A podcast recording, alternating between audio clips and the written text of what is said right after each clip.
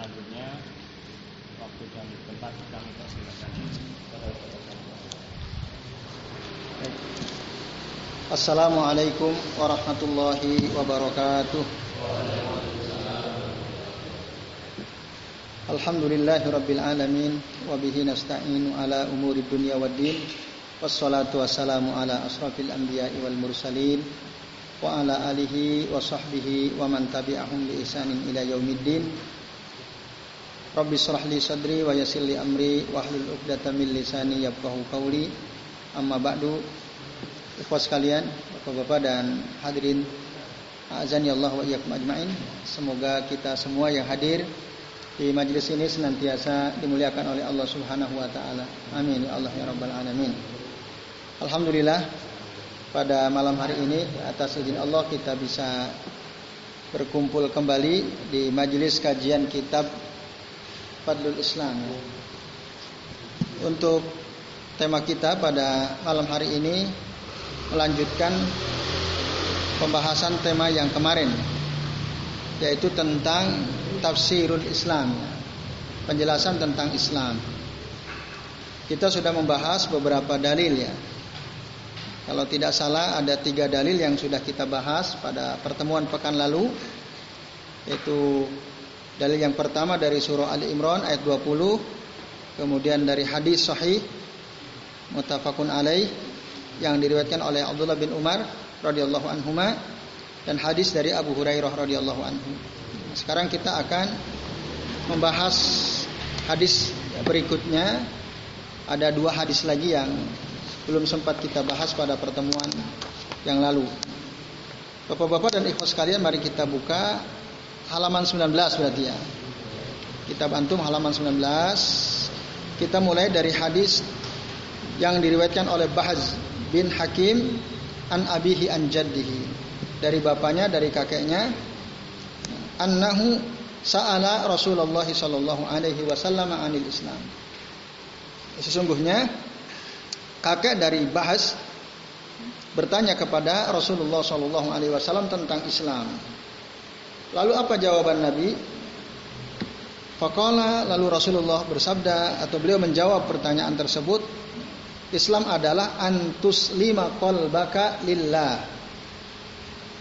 Artinya engkau menyerahkan hatimu kepada Allah, pasrah hatimu kepada Allah wa antuwalliya wajhaka ilallah dan kamu menghadapkan wajahmu kepada Allah.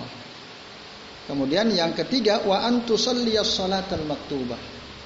Hendaklah kamu salat salat apa yang maksud salat wajib, salat maktubah, salat yang lima waktu itu dan yang keempat dalam hadis ini Rasul mengatakan wa antu addiyaz zakatal mafrudatan hendaklah kamu menunaikan zakat fardu. Zakat fardu maksudnya zakat mal bagi yang mampu atau zakat fitrah, ya zakat fitrah. Hadis rawahu Ahmad. Hadis ini dikeluarkan oleh Imam Ahmad dalam kitab Musnadnya. Nah, ikhwas sekalian, rahimani wa rahimakumullah. Berdasarkan hadis ini dijelaskan bahwa Apabila kita ditanya tentang Islam, apa itu Islam? Maka jawabannya adalah disebutkan pada hadis sebelumnya yaitu dijelaskan tentang ruknun min arkanil Islam. Nah itu. Dia tanya apa itu Islam? Nah, Islam itu ya nanti jawabannya rukunnya seperti yang ada pada hadis sebelumnya. Itu. Nah, sedangkan hadis ini menjelaskan tentang tafsir atau penjelasan tentang Islam yang ada dalam hadis sebelumnya. Ya. Jadi rukun-rukun Islam itu di antaranya nanti dijelaskan dalam hadis ini. Nah, oleh karenanya seseorang tidak dikatakan sebagai seorang Muslim Seseorang tidak dikatakan sebagai seorang muslim selama dia tidak merealisasikan apa yang disebutkan dalam hadis ini. Tadi disebutkan kata Rasul Islam itu antus lima qalbaka wa antuwalli wajhaka ilallah. Kalau dua perkara ini dan dua perkara setelahnya tidak direalisasikan oleh seseorang, maka dia falaisa bi muslim. Dalam kitab Ilamul Anam ini katakan maka dia bukan seorang muslim. Muslim itu harus seperti apa yang dikatakan oleh Nabi dalam hadis ini. Nah, maka dua kalimat antus lima qalbaka lillah wa antuwalli wajhaka ilallah ini sesungguhnya adalah makna dari syahadat. Makna dari dua kalimat syahadat yaitu syahadatu an la ilaha illallah wa anna muhammadan abduhu wa rasuluh. Tapi dalam ungkapan yang berbeda ya. Dikatakan walakinnaha bi ibaratin ukhra tubayyinu haqiqata hadhihi syahadah fi madallat alaihi zahiran wa batinan. Akan tetapi kalimat ini dalam ungkapan yang lain menjelaskan tentang hakikat syahadat yang ditunjukkan baik secara zahir maupun secara secara batin. Nah, secara batin tadi antus lima qalbaka lillah. Nah, ini hakikat dari syahadat, dua kalimat syahadat ada. Secara batin adalah antus lima qalbaka lillah. Jadi engkau memasrahkan hatimu hanya kepada Allah saja. Artinya apa? Dalam kitab ini, dalam kitab Ilamul Anam katakan makna dari antus lima qalbaka lillah itu fala yakunu al qalbu mu'azzaman li ahadin siwallahi azza wa jalla. Hati kita tidak boleh mengagungkan tidak boleh mengagungkan selain Allah azza wa jalla. Itu. Kita hanya mengagungkan hanya pasrah kepada Allah saja dengan apa? Dengan ketaatan kita dan dengan ketundukan kita kepada Allah Subhanahu wa taala. Nah, ini makna batin dari syahadat yaitu kita hanya mengagungkan Allah dalam hati kita, hanya tunduk taat kepada Allah saja. Kemudian yang kedua, hakikat syahadat secara zahir. Tadi secara batin. Nah, hakikat hakikat syahadat secara zahir adalah apa? Antuwali wajhaka lillahi taala. Engkau hanya menghadapkan wajahmu kepada Allah. Maksudnya Allah ya'buda illallah wahdahu. Kita tidak menyembah kecuali hanya kepada Allah saja. Itu maksud antuwali wajhaka ilallah. Menghadapkan wajahmu hanya kepada Allah maksudnya apa? Tadi. Kita tidak menyembah kecuali hanya Allah saja yang kita sembah. Ini artinya Beribadah kepada selain Allah berarti sesuatu yang batil. Ibadatu ila ghairillahi batilun. Itu adalah perkara yang batil. Nah, ini Bapak-bapak dan ikhwas sekalian, azan Allah wa iyyakum ajma'in. Nah, maka semua ibadah zahir ya, itu harus selain batin, ibadah zahir harus hanya ditujukan kepada Allah saja. Baik itu berupa uh, apa dikatakan fi ayyi amrin yakunu ar-ragbatu war-rahbatu wal multaja wal istighasah billahi azza wa jalla. Baik dalam perkara yang sangat kita harapkan, perkara yang kita takuti, sandaran kita, zat yang kita mohonkan ya, bantuannya yaitu istighosa itu hanya boleh kita tujukan kepada Allah azza wa jalla. Ini bapak-bapak dan ikhwas sekalian. Oleh karena itu maka tunduk dan patuh kepada Allah baik secara zahir maupun secara batin. Nah, nah itulah hakikat tauhid ya. Yang bisa menghalau kesyirikan. Maka secara zahir dan secara batin kita harus mentauhidkan Allah. Tadi beribadah secara zahir hanya kepada Allah. Kemudian hati kita juga hanya kita pasrahkan kepada Allah. Hanya Allah yang kita agungkan. Nah, itu penjelasan dari dua kalimat pertama ya antus lima qalbaka lillah wa antuwalli wajhaka ilallah.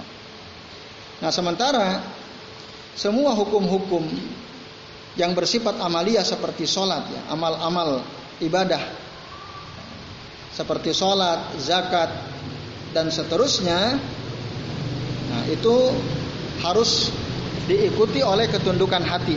Jadi bukan hanya zahir saja, tapi secara hati juga kita harus Ya, betul-betul tunduk mengagungkan Allah yang dituju hanyalah Allah.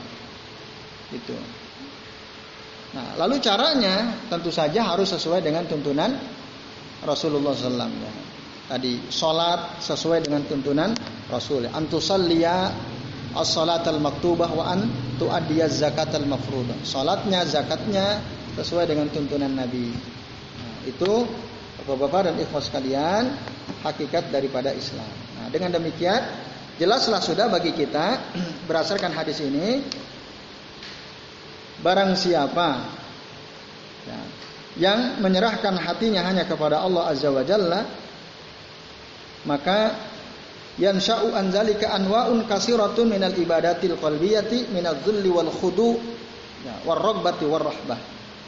Kalau hati kita ya, hanya kita tujukan kepada Allah, Allah yang hanya kita agungkan, maka akan tumbuh dari situ berbagai macam ibadah hati, ya, seperti merendahkan diri ya, di hadapan Allah, tadi berharap hanya kepada Allah, takut hanya kepada Allah. Nah, dengan inilah berarti kita sudah betul-betul mengagungkan Allah Azza wa Jalla. Allah Azza wa Jalla. Bapak-bapak dan Ibu sekalian. Faktanya atau indikatornya apa? Nah, orang yang betul-betul tadi menyerahkan atau pasrah hatinya kepada Allah, hanya mengagungkan Allah, maka bukti konkretnya, indikatornya selain tadi dia mendirikan sholat, menunaikan zakat, maka dia akan tunduk kepada semua apa yang Allah perintahkan dan akan meninggalkan semua apa yang Allah larang. Itu indikator lainnya. Maka di dalam Al-Qur'an surah Al-Ahzab ayat 36 Allah taala berfirman, "Wa ma kana mu'minin wala mu'minatin." Dan tidaklah pantas bagi seorang mukmin baik laki-laki maupun perempuan idza qadallahu wa rasuluhu amran ketika Allah dan Rasulnya sudah menetapkan suatu perkara ayyakuna lahumul hiratu min amrihim. Jadi kalau Allah dan Rasulnya sudah menetapkan suatu perkara, maka tidak pantas ada pilihan lain dalam urusan mereka. Nah, inilah dia orang mukmin sejati. Jadi kalau Allah dan Rasul sudah tentukan harus begini, harus begini, tidak ada pilihan. Dia tunduk dan pasrah kepada ketentuan Allah itu. Nah kalau dia masih milih-milih, berarti dia belum istislamul qalbnya belum belum menyerahkan sepenuhnya hatinya kepada Allah. Disuruh ninggalin riba, aduh. Saya kalau enggak kalau saya ninggalkan riba, saya nggak bisa hidup ini. Nah, misalnya. Saya nggak bisa menafkahi anak istri saya. Nah, berarti belum istislam dia. Karena dia masih nawar-nawar. Padahal jelas dalam Quran, ahallallahu al-bai'a wa harrama riba. Allah menghalalkan jual beli dan mengharamkan riba. Tapi dia, dia masih punya pilihan. Ah, nggak bisa deh. Saya nggak bisa kalau saya tinggalkan riba. Nah, dia berarti belum menjadi orang beriman sejati. Nggak pantas dia punya pilihan. Dan semua perkara ya yang sudah dijelaskan dalam syariat maka kita harus tunduk kepadanya. Tidak ada pilihan lah pokoknya. Itu. Mbak kok panjenengan nggak pakai jilbab kalau udah ngerti jilbab itu wajib. Oh nggak bisa ya saya kalau pakai jilbab hati saya belum siap.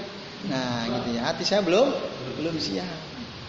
Nanti kalau saya pakai jilbab nggak ada yang tertarik sama saya misalnya. Nah ini parah ya. Kalau ada orang beralasan ya, dia meninggalkan apa tuntutan syariat, meninggalkan kewajiban syarak gara-gara tadi dia punya kecenderungan ya. hawa nafsunya tadi dia bahasanya macam-macam ya itu contoh saja dan saya kira banyak hal lain yang kita bisa ungkapkan keadaan orang-orang yang tidak tunduk sepenuhnya kepada ketetapan Allah dan Rasulullah SAW. Apa? Ya, ya kalau dia dia nggak mau tunduk ya dia akan menyimpang terus. Maka jelas sekali Allah mengatakan wa makana lil mu'minin wala mu'minatin idza qadallahu wa rasuluhu amran ayyakuna lahumul khiratu min amrihim.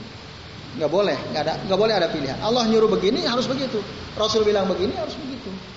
Enggak ada ah, enggak deh, enggak deh. Enggak. Nah ini. Lalu kemudian dalam ayat yang lain Allah juga menegaskan yaitu dalam surah An-Nur ayat 51. Nah, ciri-ciri orang yang betul-betul beriman ya. Inna makana qaulal mu'minin. Sesungguhnya perkataan orang-orang beriman itu idza du'u ilallahi wa rasulihi. Jika mereka disuruh untuk taat kepada Allah dan Rasulnya, liyahkuma bainahum. Ya, untuk diberikan keputusan hukum di antara mereka, ayyakulu mereka akan berkata sami'na wa ata'na. Kami mendengar dan kami taat. Itulah orang beriman. Ikuti Quran, ikuti sunnah. Sami'na wa ata'na. Ya, saya ikut Quran, saya ikut sunnah. Gak ada pilihan. Nah ini, ikhwas sekalian, azan ya Allah wa iyyakum ajma'in. Itulah dia hakikat orang beriman. Jadi kalau sudah disampaikan kepada kita sunnah, disampaikan kepada kita ayat Al-Quran tentang suatu perkara yang harus kita lakukan, harus kita lakukan. Jangan sampai ada pilihan yang lain ya. Jangan sampai ada pilihan yang lain. Kalau kita ternyata memilih yang lain berarti ya kita nggak taat kepada Allah Rasulnya dan kita tidak pasrah sepenuhnya hati kita kepada Allah dan Rasulnya. Nah, ini bapak-bapak dan ikhwas sekalian, azan ya Allah wa iyyakum. Nah, semoga Allah memberikan kemudahan kepada kita untuk senantiasa taat ya, kepada Allah dan Rasulnya. Amin ya rabbal alamin. Nah kemudian wa antusalliya salatal maktubah wa, tuaddiya zakatal mafruḍah. Nah, ini juga ya, dalam kitab Ilamul Anam dikatakan adalah penjelasan tentang Islam. Maksudnya penulis atau muallif kitab ini ingin menegaskan tentang tafsir Islam bahwa makna Islam yang syumul yang komprehensif yang menyeluruh itu adalah taslimu al-qalbi wal jawari kepasrahan hati dan anggota tubuh. Nah ini. Dengan cara apa? Menegakkan semua apa yang difardukan oleh Allah, baik seperti sholat maupun seperti seperti zakat. Nah ini di antara uh, beberapa perkara penting ya dalam rukun Islam. Hadhihi as-salasah min ahami arkanil Islam. Jadi kalau oh, kita baca lagi tadi ya hadis yang atau dalil yang keempat di situ ya, menurut muallif kitab Ilamul Anam ada tiga perkara terpenting dalam rukun Islam. Apa yang dijelaskan dalam hadis ini? Antus lima qalbaka lillah wa antuwalli wajhaka ilallah. Ini makna syahadat. Berarti yang pertama syahadat, yang kedua so, salat wajib, yang ketiga menunaikan zakat. Jadi ada tiga perkara penting yang menjelaskan tentang Islam yang disebutkan di dalam hadis ini. Nah, ini. Nah, sekaligus hadis ini menyebutkan dua perkara penting, mengumpulkan dua perkara penting. Yaitu apa? Ma baina hakillahi azza wa jalla wa hakil mu'minin. Nah, ini, maaf, pada hadis setelahnya. Nah, maaf, pada hadis setelahnya. Ini hadis terakhir ya, saya, saya ulangi. Uh, saya baca dulu hadisnya. Wa an Abi Kilabata Hadis riwayat Abu Kilabah an rojulin min ahli Syam. Dari seseorang yang berasal dari negeri Syam. An abihi dari bapaknya annahu sa'ala Rasulullah sallallahu alaihi wasallam al-Islam. Sesungguhnya dia bertanya kepada Rasul sallallahu alaihi wasallam, "Mal Islam? Apa itu Islam?" Fakal lalu dia menjawab, "Antus lima qalbaka lillah." Sama dengan di atas ya. Dia menyerahkan hatinya tunduk pasrah hatinya kepada Allah wa ayyaslamal muslimuna min lisanika wa yadika. Dan yang kedua, Islam itu adalah orang-orang muslim lain selamat dari keburukan lisan dan tanganmu. Itu kata Rasulullah. Nah, ini yang dimaksud tadi hadis ini mengumpulkan atau menjelaskan dua perkara penting yaitu hak Allah dan hak orang beriman. Hak Allah apa? Tadi antus lima kalbaka lillah. Kita ya, memasrahkan tunduk, menundukkan hati kita hanya kepada Allah. Dan yang kedua an yas lamal muslimu namin lisanika wa yadika. Nah ini haknya orang-orang beriman. Jadi orang beriman yang lain itu selamat dari keburukan lisan dan keburukan tangan kita. Kita udah bahas ya kemarin hadis yang uh, keberapa? Yang ketiga itu ya. Lalu kemudian Rasul tanya lagi, "Qala ayul islami afdal?" Islam seperti apakah yang paling utama? Ya Rasulullah, wahai Rasulullah. Apa lalu kata Nabi? Nah, coba perhatikan, ikhwas sekalian, ketika Nabi ditanya ayul islami afdal, apa Islam yang paling utama? Beliau menjawab apa? Al-imanu billah. Beriman kepada Allah. Jawabannya iman. Jadi Islam yang paling utama adalah beriman kepada Allah. Lalu ditanya, "Wamal imanu billah?" Apa yang dimaksud beriman kepada Allah itu? Lalu Rasulullah menjawab, "Antu mina billahi wa malaikatihi wa kutubihi wa rusulihi wal yaumil akhiri wal ba'si ba'dal maut." Lalu Rasul merinci yang dimaksud beriman kepada Allah itu adalah kamu beriman kepada Allah, beriman kepada malaikat-malaikat Allah, beriman kepada kitab-kitab Allah, beriman kepada rasul-rasul Allah, beriman kepada hari akhir dan beriman kepada hari kebangkitan setelah kematian. Ada berapa ini? Ini ada berapa? Enggak, ini ada berapa? Coba antum baca lagi. Satu antum mina billah. Antum lihat di halaman 20 ya. Halaman 20. Coba antum hitung. Ya, ketika Rasul ditanya ayul islami afdal, apa Islam yang paling utama? Jawaban Rasul ada berapa? Satu. Kan kata Rasul al-imanu billah. Ditanya lagi apa itu al-imanu billah? Lalu Rasul merinci. Nah, dari rincian ini ada berapa? Antu minabillah satu. Ya kan? Wa malaikatihi dua. Wa kutubihi tiga. Wa rusulihi empat. Wal yaumil akhiri lima. Wal ba'si ba'dal maut enam. Nah coba perhatikan. Rukun iman itu ada berapa? Enam ya? Di sini nah apa? Oh di situ nggak ada ya? Berarti ini ini. Sebentar al yaumil akhir sama al baas ba'dal maut itu ya. Al baas ba'dal maut. Hari kebangkitan setelah ke kematian. Wal yaumil akhir nggak ada ya, nggak ada. Al yaumil al yaumul akhir itu artinya al baas ba'dal maut. Hari kebangkitan setelah kema itu hari akhir apa bukan? Hari akhir apa bukan? Hari a, hari akhir. Ada yang kurang nggak dari rukun iman di sini? Berarti ada berapa di situ?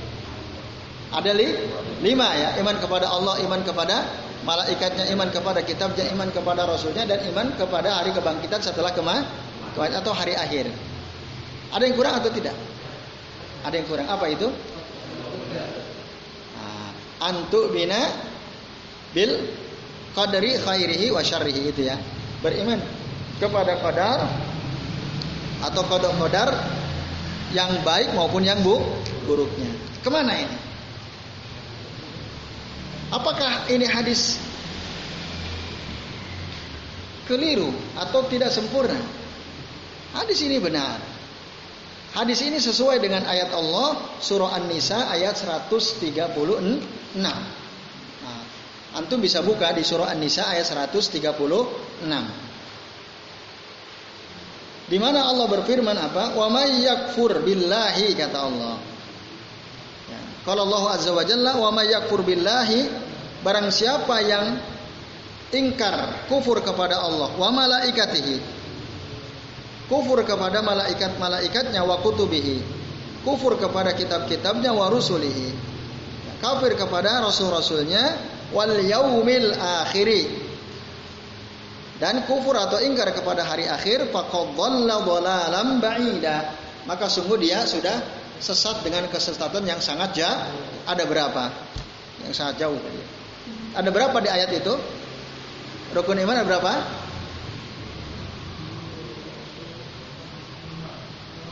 Ada berapa? Lima juga. Ada lima juga. Nah ini ayat ini sesuai dengan hadis terakhir dari bab tafsirul Islam. Pertanyaannya, lah kok cuma lima kan gitu? Padahal yang selama ini kita yakini rukun iman itu ada enam. Ikhwas sekalian, azan ya Allah wa iyyakum ajmain. Betul dalam hadis ini dan dalam ayat yang tadi disebutkan An-Nisa ayat 136 memang hanya disebutkan lima saja. Tetapi di dalam hadis Jibril hadis Jibril adalah hadis yang menggambarkan tentang kedatangan Jibril kepada Rasul Shallallahu Alaihi Wasallam, di mana dalam hadis tersebut ya, malaikat Jibril bertanya kepada Rasul tentang empat perkara atau lima perkara ya. Mal Islam, wa mal iman, wa mal ihsan, mata as-sa'ah, wa ma alamatu sa'ah. Ada lima pertanyaan Jibril. Maka ini disebut dengan hadis Jibril ya. Dalam hadis tersebut ketika Rasulullah ditanya mal iman, apa itu iman? Rasul menyebutkan secara lengkap enam. Antuk mina billahi wa malaikatihi wa rusulihi wa, wa kutubihi wa rusulihi wal yaumil akhiri wa bil qadari khairihi wa syarrihi. Lengkap disebutkan ada enam. Nah itu penjelasannya. Jadi hadis ini ya, harus dipahami dengan melihat hadis Jibril. Jadi totalnya memang rukun iman itu ada enam. Nah kalau dalam Al-Quran bagaimana? Tadi kita sudah baca ayat 136 surah An-Nisa itu juga ada lima. Nah, pelengkapnya ada di dalam surah Al-Qamar ayat 49. Jadi terpisah memang yang keenam itu. Di dalam surah Al-Qamar ayat 49 Allah taala berfirman, "Inna kulla syai'in khalaqnahu biqadarin." Sesungguhnya kami menciptakan segala sesuatu biqadarin. Dengan takarannya ya, masing-masing. Dengan takdirnya masing-masing. Maka kita harus percaya bahwa ya, segala sesuatu terjadi atas ketetapan Allah ya, atas kehendak Allah taala takdir. Inna kulla syai'in khalaqnahu biqadarin nah ini Bapak-bapak dan ikhwas sekalian, a'azani Allah wa iyyakum ajmain. Nah, dalam hadis ini tadi yang pertama dijelaskan tentang hak Allah dan hak orang beriman, hak manusia. Hak Allah tadi kita memasrahkan hati kita hanya tunduk kepada Allah, hanya mengagungkan Allah. Sementara kepada manusia, orang-orang beriman, nah, mereka selamat dari kejahatan lisan dan hati ki, eh, dan tangan ki, kita. Nah, terus yang kedua, kesimpulan yang kita bisa ambil, ternyata Islam itu adalah iman. Kemarin sudah kita bahas ya, jadi kata Islam dan iman itu kalau disebutkan sendiri-sendiri maka artinya sama. Islam iman kalau disebutkan sendiri-sendiri artinya sama. Kalau kita bilang anak muslim, anak muslim berarti dalam waktu yang sama anak mukmin. Saya juga mukmin. Saya, saya seorang muslim. Dalam waktu yang sama kita juga sedang mengatakan walaupun tidak diungkapkan saya saya mukmin. Nah, itu. Maka para ulama menjelaskan kata Islam dan iman itu ya, ijajtama'at tafarraqat wa idza tafarraqat ijtama'at dua kata yang apabila berkumpul maknanya jadi beda-beda. Tapi kalau berpisah maknanya sah, sama. Kata Islam dan iman, kata muslim dan mukmin itu tidak tafarrokat ijtama'an. Kalau dia disebut sendiri-sendiri artinya sama. Tadi ketika saya bilang saya muslim, berarti saya sedang mengatakan saya mukmin. Tapi kalau disebut bersamaan dalam kalimat atau hadis yang sama, ayat yang sama, iftarakat artinya beda. Islam itu amalan zahir, iman itu amalan ha, hati. Itu bedanya. Keyakinan dan keimanan ke dalam hati itu. Antuk minabillahi wa malaikatihi wa kutubihi wa rusulihi wal yaumil akhiri wal wa khairihi wa syarrihi. Itu amalan hati, ikhwas sekalian. Nah, amalan zahirnya ya Islam itu sendiri. Ah, itu perbedaannya. Nah, dalam hadis ini Rasul menyamakan sebaik-baik atau seutama-utama Islam adalah iman. Yang dimaksud iman itu apa? Iman maksudnya adalah kamu beriman kepada Allah, beriman kepada malaikat, beriman kepada kitab-kitabnya, rasulnya dan hari kebangkitan setelah kematian. Nah, artinya antara iman dan Islam itu saling berkaitan satu sama lain dan tidak bisa dipisahkan. Kalau ada orang ngaku dirinya muslim tapi tidak beriman tentang adanya malaikat, berarti apa itu artinya? Pengakuannya? Bohong. Nah, dia ngaku dirinya muslim tapi tidak beriman kepada kabar-kabar yang ada dalam Al-Qur'an. Saya nggak percaya ada surga dan neraka. Saya nggak percaya misalnya. Ada orang bilang saya muslim tapi saya nggak percaya sorga saya nggak percaya ada ada neraka. Berarti dia tidak tidak muslim. Karena seorang muslim itu harus mukmin. Itu maksudnya nah inilah dia bapak-bapak dan ikhwas sekalian. Azan ya Allah wa iyyakum ajmain. Penjelasan tentang Islam. Nah, maka di hadis terakhir itulah pamungkasnya. Bahwa Islam itu ya iman. Islam itu iman. Tanpa iman tidak ada Islam. Begitu sebaliknya, tanpa Islam tidak ada iman. Orang ngaku saya beriman, tapi nggak tunduk, bisa nggak kita katakan dia beriman? Tidak bisa. Itu jadi saling berkaitan satu sama lain. Ya, itulah Islam. Islam itu ya, harus ada keyakinan, harus ada amal per, perbuatan. Jadi saya kira ini terus kalian jadi hanya dua dalil ya yang kita bahas. Uh, untuk menuntaskan pembahasan tentang tafsir Islam. Saya kira demikian ya cukup apa yang kita bisa bahas. Insya Allah nanti bab berikutnya akan kita bahas pada pertemuan selanjutnya Insya Allah di pekan yang akan datang. Monggo barangkali ada di antara bapak-bapak dan ibu sekalian yang mau bertanya kami persilahkan.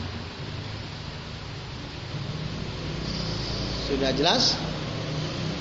Boleh berkaitan dengan apa yang kita bahas barusan ini atau yang lain silahkan.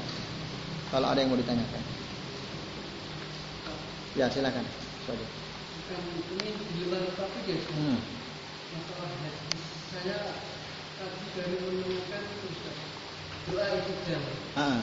Rabbana wa ta'ala ditambahin. Kemudian dilakukan juga juga dilakukan. Itu katanya dalam itu kalau nggak salah hadis hadis Bukhari. Barang siapa baca doa itu di ijal, dicatat 30 malaikat berebut mencatatnya. Ah. Itu sahih Iya, sahih. Itu hadisnya sahih. Jadi waktu itu ketika sholat bersama Nabi SAW ada seorang sahabat waktu itidal membaca doa tadi. Rabbana walakal ham hamdan kasiron tayyiban mubarakan fi atau dalam riwayat yang lain mubarakan alaih kama yuhibbu rabbuna wa yarda. Rasul mendengar. Lalu beliau bertanya, siapa tadi di antara kalian yang membaca doa tidak seperti ini? Pak Rasul nggak pernah ngajarin Rasul. Tapi dia membaca itu. Akhirnya ada sahabat, ya saya ya Rasulullah, saya yang baca itu. Nah, lalu Rasul mengatakan, nah ketahuilah bahwa ada 30 ya lebih malaikat berebut untuk mencatat amalanmu itu. Jadi ini keutamaan membaca doa tersebut ya. Rabbana Rabbana walakal ham hamdan kasiron tayyiban mubarakan fi kama yuhibbu rabbuna wa. Itu keutamaannya. Nah, betul itu hadisnya sahih ya.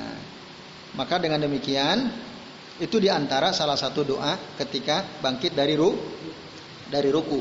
Selain uh, yang biasa dibaca oleh kebanyakan kita Sami Allahu liman hamidah Rabbana walakal ham mil'us samawati wa mil'ul ardi wa mil'u ma bainahuma gitu ya. Wa mil'u ma syi'ta min syai'im ba'd. Itu. Ada beberapa sebenarnya bukan hanya itu ya. Kalau kita baca dalam kitab Sifatus Salatin Nabi karya Syekh Al Albani itu ya yang agak bukan ringkasannya. Kan ada ringkasan tipis buku saku ada yang agak tebel. Ah, sekitar segitu. Nah, disebutkan beberapa sigo ya bentuk bacaan doa iktidal ya. Jadi tidak hanya dua, ada yang lain juga. Allah taala. Ya. Betul itu hadisnya sahih Mas Wadi. Yang lain? Ya, monggo Mas Abdul.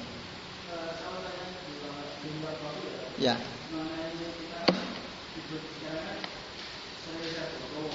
Apa? Ah, share foto. Ah, ya. Ah, ah.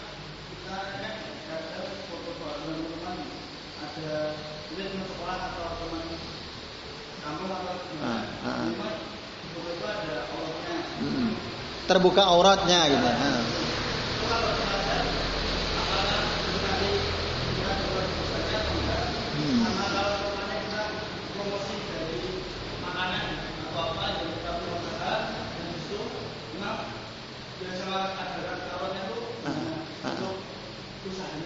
Iya, iya, ya. Baik, syukran. Mas Abdul ya. Ini pertanyaan penting. Boleh tidak kita nge-share foto ya? Tetapi dalam foto tersebut ada aurat kelihatan. Ya. Aurat bisa laki-laki bisa perempuan begitu ya. Itu boleh atau tidak? Tentu tidak boleh. Ya, aurat itu harus di, ditutupi. Ya, harus ditutupi. Ini malah disebar-sebarin ya. Ya semakin kita share di ruang publik maka semakin banyak orang akan melihat aurat. Walaupun mungkin bukan diri kita gitu ya. Teman kita atau orang lain lah, tapi kita ikut menyebarkan foto yang nampak dalam foto itu aurat. Jawabannya tidak boleh. Karena membuka aurat itu haram ya. Nah, kalau laki-laki auratnya ya antara lutut sama ibu pusar ya. Itu. Jadi kalau laki-laki dipoto pakai celana pendek kelihatan lututnya, berarti kelihatan auratnya. Kalau perempuan seluruh anggota tubuhnya kecuali wajah dan dua telapak tangan. Tapi ada juga katakan seluruh ya, anggota tubuh wanita itu adalah aurat termasuk wajahnya juga au, aurat ya, kecuali telapak tangan. Kenapa? Ya, karena fitnah ya sesuatu yang sangat berpotensi menimbulkan fitnah dari diri seorang wanita adalah wa, wajahnya. Itu. Nah, ini. Maka tadi sebaiknya kita sebagai orang ya, beriman sebagai tolabul ilmi berhati-hati jangan sampai ikut nge-share foto-foto yang dalam foto tersebut nampak aurat. Kalau mau ya diedit dulu lah. Diedit ya. Walaupun hukum asalnya ya boleh saja kita apa menyebar nge-share di medsos kita apa ya foto gitu ya untuk kenang-kenangan bahwa kita dulu kemarin kami melakukan ini dan itu bisa saja selamat. Tentu tidak diikuti oleh oleh kesombongan ya. Tidak diikuti oleh ria tidak ada masalah. Tapi ketika tadi ada aurat sebaiknya tutup dulu auratnya. Nah itu pertanyaan pertama ya. Tidak boleh ya, menyebarkan aurat di ruang menyebarkan foto yang nampak aurat di, di, di ruang publik. Nah, lalu yang kedua, kalau foto yang nampak terlihat auratnya itu untuk promosi usaha, gitu ya, promosi usaha. Akhirnya suatu produk membuat poster ada fotonya, di foto itu ada aurat nampak, baik laki atau perempuan begitu ya. Ada enggak implikasinya terhadap rezeki yang dihasilkan dari usaha tersebut dengan mempromosikan lewat foto yang kelihatan auratnya? Tentu saja ada. Nah, jadi setiap perkara yang dilarang dalam agama, nah, lalu kemudian kita langgar, itu tentu akan ada pengaruhnya. Kalau itu dari usaha terhadap usaha atau rezeki yang kita dapatkan, mungkin keberkahannya akan ber, berkurang itu itu atau bahkan bisa jadi rezeki yang kita dapatkan dengan menyebar sesuatu yang dilarang tadi oleh agama ya, bukan hanya sekedar keberkahannya berkurang. Bisa jadi rezeki yang kita dapatkan menjadi tidak tidak halal. Gara-gara apa? Promosinya lewat perkara yang dilarang tadi oleh agama. Bisa jadi maka ada kaidah itu uh, ma yatawalladu minal harami fahuwa haram. Jadi perkara yang lahir dari sesuatu yang haram maka dia juga ha, dia juga haram. Allah taala alam. Ya, maka teman-teman yang punya usaha hati-hati ya. Jadi jangan sampai ketika antum mempromosikan usaha antum, produk antum, lalu bikin foto, di foto itu kelihatan auratnya. Gitu ya.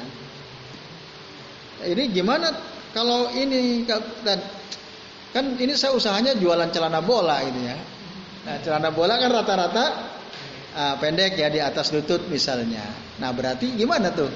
Ya ganti usaha, ganti usaha kalau begitu.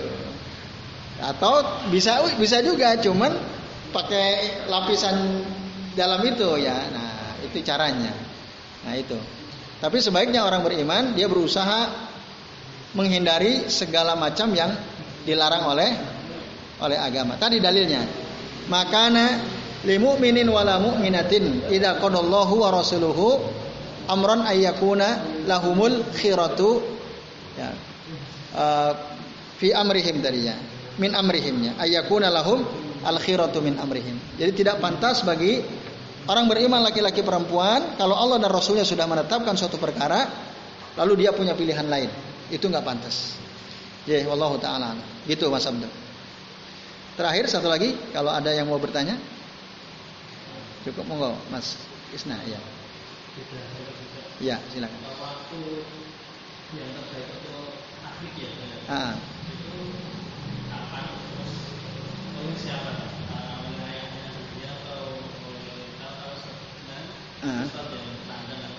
Ya. Baik, terima kasih Mas Isna. Teknik teknik ini ya perkara yang disunahkan bagi seorang anak yang baru lahir.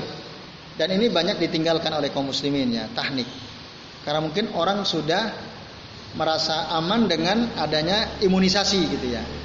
Nah saya kira teknik itu ditinggalkan. Bahkan mungkin banyak orang nggak tahu itu teknik. Nah, teknik ini salah satu ya, perkara yang disyariatkan dilakukan kepada seorang anak yang baru lahir. Teknik itu apa? Ya, teknik itu adalah uh, seseorang dia mengunyah kurma lalu sari dari kurma itu diambil dengan jari lalu jari yang ada sari kurmanya itu ditempelkan ke langit-langit bayi tadi. Itu teknik hannak yuhannik itu tekniknya. Jadi menempelkan saripati kurma di apa langit-langit mulut si bayi itu. Itu teknik. Kapan yang terbaik? Yang terbaik ya sama dengan hari akikohnya itu. Pada hari ketujuh yang paling utama. Jadi ditahnik, diberi nama, diakikohi, dipotong ram rambutnya. Itu ada empat perkara ya, yang disunnahkan di hari ke ketujuh. Nah itu. Lalu siapa yang mentahnik kalau dulu Rasul Rasulullah Shallallahu Alaihi Wasallam. Jadi para sahabat kalau baru punya anak langsung dibawa ya setelah hari ketujuh dibawa kepada kepada Rasulullah ke Rasulullah. Untuk apa? Mohon didoakan sekaligus ditahnik. Nah, termasuk didoakan ya. Didoakan. Nah, biasa kalau kita akikoh, ya boleh antum mengundang ustadz untuk mendoakan anak anak kita. Nah, itu kalau ada. Nah, terus uh, itu waktu Rasul masih ada. Bagaimana ketika Rasulullah tidak sudah tidak ada seperti kita sekarang? Siapa yang mentahnik? Berhak mentahnik? Ada sebagian orang uh, memandang bahwa yang bisa menggantikan posisi Rasulullah di zaman kita sekarang adalah ulama ya. Karena ulama itu warasatul ambia ya, pewaris para para nabi. Ulama-ulama yang soleh tentu saja. Nah, mereka lah yang mewakili Rasulullah SAW di zaman kita sekarang ini. Nah, itu ada yang mengatakan maka orang seorang ulama yang soleh yang mentahnik. Tapi Imam Ahmad pernah ditanya, wahai Abu Abdullah, siapakah yang mentahnik putramu, wahai Imam Ahmad? Nah, dia bilang siapa? Ummuhu, ibunya. Ummuhu. Ya kalau sekarang Rasul sudah tidak ada, ibunya yang mentahnik anak tersebut. Karena ibu yang paling dekat dengan dia. Apalagi di zaman corona COVID-19 ini kan bahaya nanti ditahnik pakai air liur orang lain malah sekarat nanti anaknya. Nah, kalau ibunya kan jelas gitu ya. Ibunya jelas. Ya kecuali barangkali ibunya terpapar Covid gitu ya. Nah, mungkin bisa bapaknya. Intinya orang yang paling dekat dengan anaknya itu. Itu jawabannya Imam Ahmad ketika ditanya siapa yang mentahnik. Ya ummu ibunya. Ya itu. Allah taala. Ada dua tadi ya, ada dua pendapat berarti ya.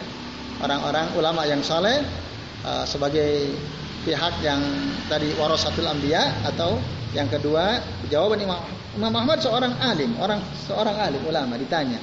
Ya ibunya ummu, ibunya. Jadi Allah taala. Baik ibu sekalian, sementara cukup ya pembahasan kita pada malam hari ini. Alhamdulillah, insya Allah nanti pada pembahasan berikutnya kita akan memasuki bab yang baru, yaitu penjelasan tentang ayat 85 dari surah Ali Imran. Baik, sebelum waktu saya kembalikan kepada pembawa acara Mas Yoyo, saya mohon maaf ya, apabila yang kami sampaikan ada kekeliruan. Mari kita, eh maaf, saya akhiri ya. Wassalamualaikum warahmatullahi wabarakatuh.